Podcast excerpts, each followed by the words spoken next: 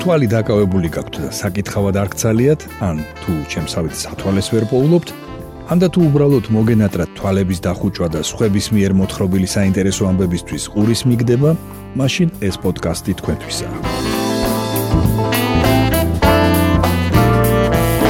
გამარჯობა. თქვენ უსმენთ რადიო თავისუფლების პოდკასტს მოლაპარაკე ტექსტებს. მოლაპარაკე ტექსტებს. მე ბიძინა რამიშვილი გახლავართ.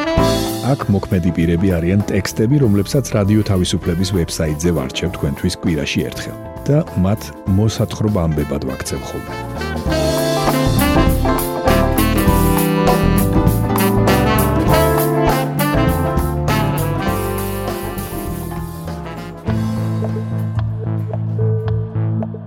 დღეს მოგითხრობთ იმაზე თუ როგორ მცირდება ევროპის ენერგეტიკული დამოკიდებულება რუსეთზე და ვისაუბრებთ რამდენად აუცილებელია მეგრული და სვანური ენების სწავლება.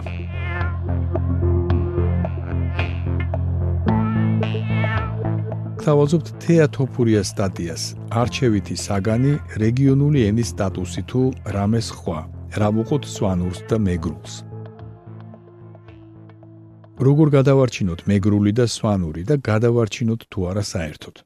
პრეზიდენტის ინიციატივას ეს ქართული ენები, როგორც არჩევითი საგანი სკოლაში ისწავლებოდეს, არაერთგვაროვანი გამოხმაურება მოხვა. გვევალება მეგრულის, სვანურის, ჭანურისა და ლაზურის დაცვა და გადარჩენისთვის ზრუნვა.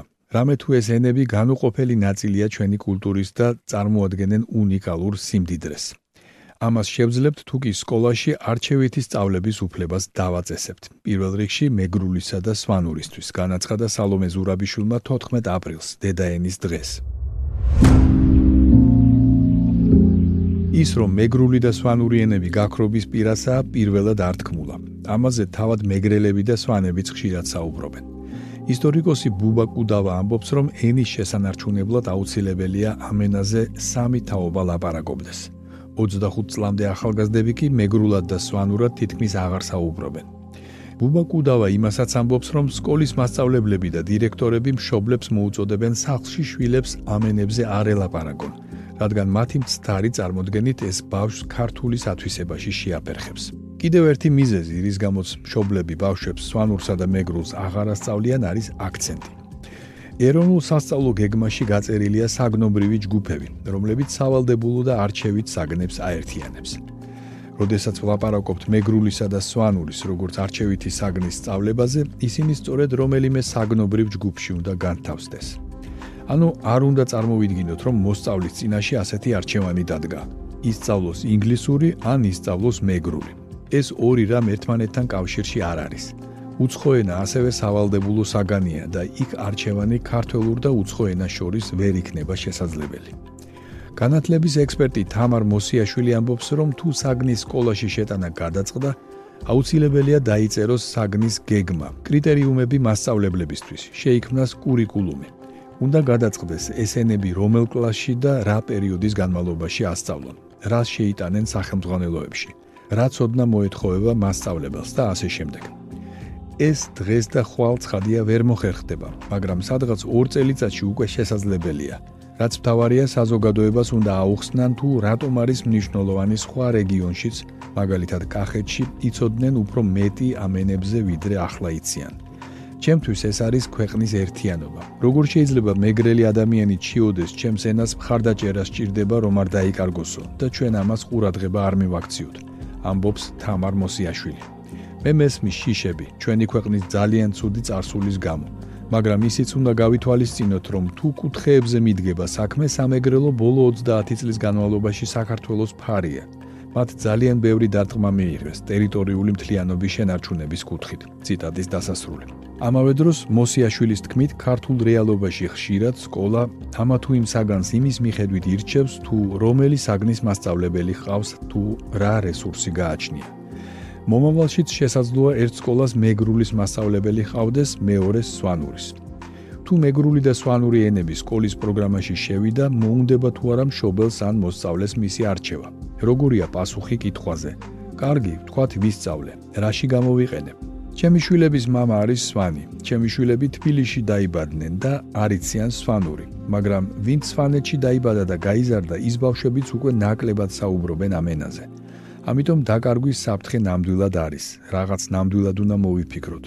თუმცა სასკოლო სივრცეში ნაკლებად წარმომიდგენია. შესაძლოა მოხალისეობრივმა ცენტრებმა და მსგავსმა ინიციატივებმა უფრო გაამართლოს. ამბობს ნინი ლომიძე, ქართული ენისა და ლიტერატურის მასწავლებელი. ბუბა კუდავა ამბობს, რომ სვანური და მეგრული ენების სკოლაში სწავლება კარდინალურად შეცვლის ამ ენებისადმი დამოკიდებულებას, რომელიც ახლა გარკვეულწილად ირონიულია. თუმცა, როდესაც საქმე არჩევაზე მიდგება, კუდავაც ვარაუდობს, რომ ამ ენების სწავლა შეიძლება მაინც არაერჩიო, მათ შორის სამეგრელოსა და სვანეთშიც კი.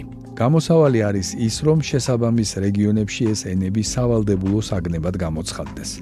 ვიღაცა იტყვის, რატომ ავალდებულები იქნება არ უნდაო. ამ ლოგიკით ეროვნულ გეგმაში შეტანილი საგნების დიდი ნაწილიც არ უნდა ბევრს.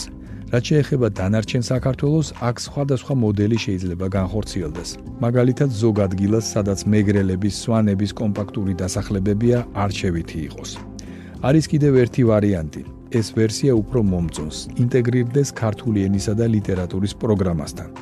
იყოს გარკვეული გაკვეთილები, გარკვეული თემები. შესაძლოა მათი მეშვეობით მოსწავლემ სვანურად და მეგრულად გამართული საუბარი ვერ შეძლოს. მაგრამ ესენები მისთვის უცხო აღარ იქნება, ამბობს ბუბა კუდავა. ბუბა კუდავას აზრით, სვანურ და მეგრულ ენებს სჭირდებათ გარკვეული სტატუსი, მაგალითად რეგიონული ენის სტატუსი ქართულ ენასთან ერთად. და ეს სულაც არ ნიშნავს იმას, რომ მსგავსი ცვლილების გამო ხვალ ზეგ საქართველოს სახელმწიფოებრიობა ჩამოიშლება.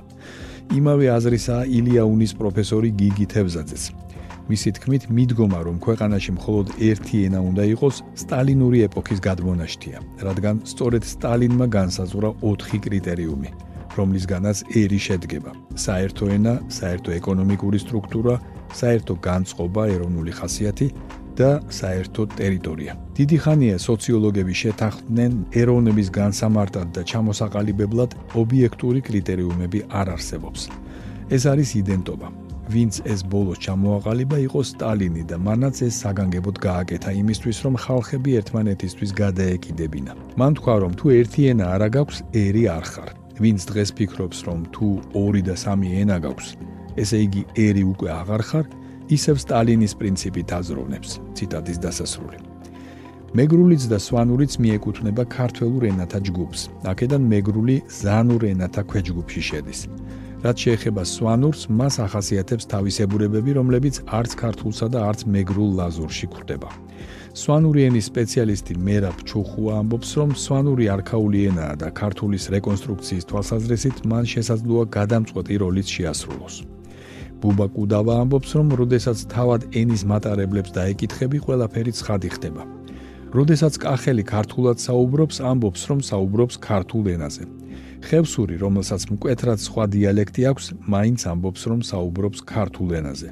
მეგრელი და სვანი მეგრულად და სვანურად რომ ლაპარაკობს, ქართულიაო არ ამბობს. ციტატის დასასრული. თქვენ მოისმინეთ თეატოფურიას სტატია არჩევითი საგანი. რეგიონული ენის სტატუსი თუ რამე სხვა. რა ვუყოთ სვანურს და მეგრულს.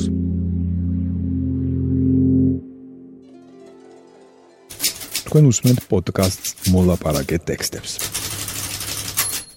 ახლა მოისმინეთ სტატია ენერგეტიკის ექსპერტის თქმით ევროკავშირი წერტილს უსვამს რუსეთის გაზზე დამოკიდებულებას. მიუხედავად დასავლეთის სანქციებისა, რუსეთმა აპრილში შესაძლოა თითქმის 800 მილიარდი რუბლი დამატებითი შემოსავალი მიიღოს. ამის შესახებ აცხადებს რუსეთის ფინანსთა სამინისტრო. მიზეზია საწვავის ფასების ზრდა. რუსეთის პრეზიდენტი ვლადიმირ პუტინი რუსეთისთვის სერიოზულ პრობლემებს ვერ ხედავს, თუკი ევროპა მასობრივად იტყვის უარს რუსეთის ნავთობსა და გაზზე. მისი თქმით, ქვეყანას აქვს გეგმა, რა უყოს რუსეთის ენერგორესურსებს.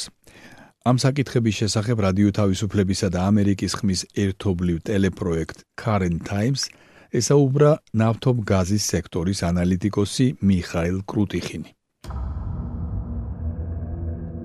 ევროპამ უკვე ნელ-ნელა დაიწყო მომჭირნეობა.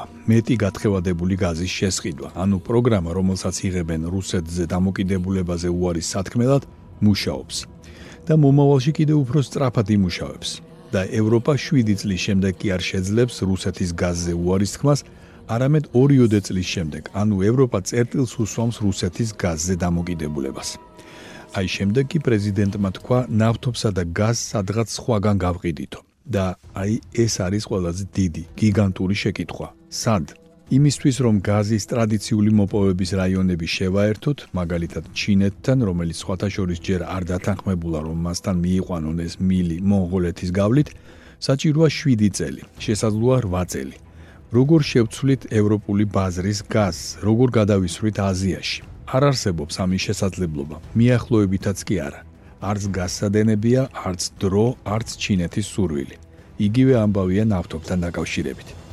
რა ინდოეთში გაგზავნოთ ნავთობი, როგორც ახლახან ლაპარაკობდნენ, ინდოეთმა აგერ ახლა გუშინ გამოაცხადა, რომ რუსეთის ნავთობს არ მიიღებს იმ პირობებით, რასაც მას თავაზობენ. ანუ რა გამოდის, ჩვენ თვითონვე უნდა მოვიხმაროთ ეს ნავთობი რამენაირად? პუტინი კი სწორედ ამას ამბობს. მაშინ შიდა ბაზარზე მოვიხმართო. ვინ, როგორ? სად უნდა წავიღოთ შიდა ბაზარზე არსებული გაზი? რა, ამისთვის ბაზარი მოგვეპოვება? არა.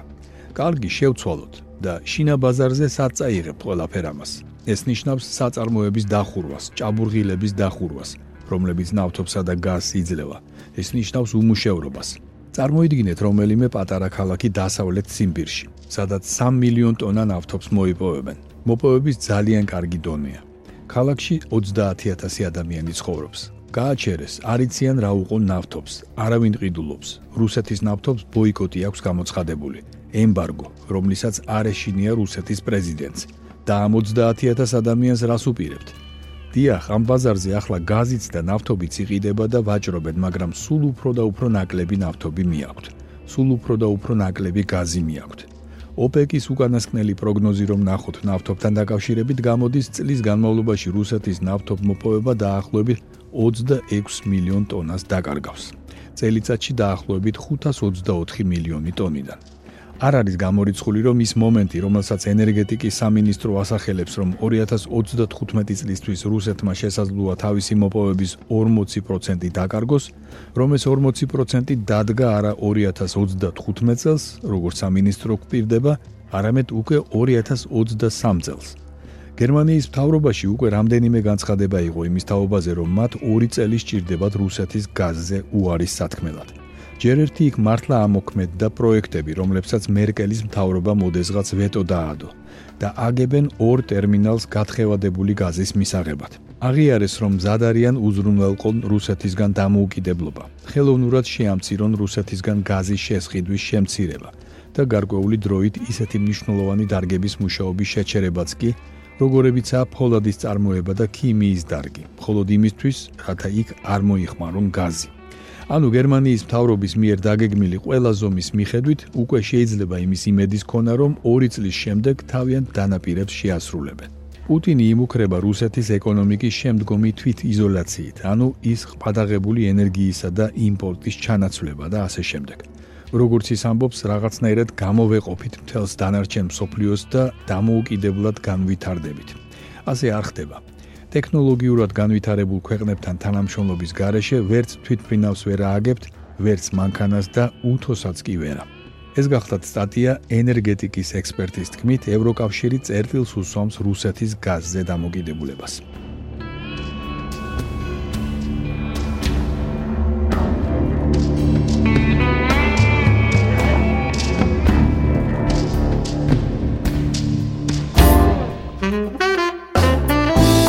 თქვენ მოისმინეთ რადიო თავისუფლების პოდკასტი მოლაპარაკე ტექსტები. მე კვირაში ერთხელ ვარჩევ რადიო თავისუფლების ვებსაიტზე გამოქვეყნებულ ტექსტებს და მათ მოსათხრობამდებად ვაქცევ ხოლმე. ჩვენი პოდკასტი შეგიძლიათ გამოიწეროთ, ჩამოტვირთოთ ან მოისმინოთ პირდაპირ რადიო თავისუფლების ვებსაიტზე. მისი მისამართია რადიო თავისუფლება.ge.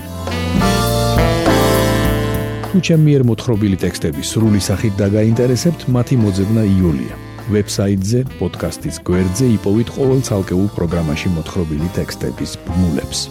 მე ბიძინა რამიშვილი ვარ. მომავალ შეხვედრამდე.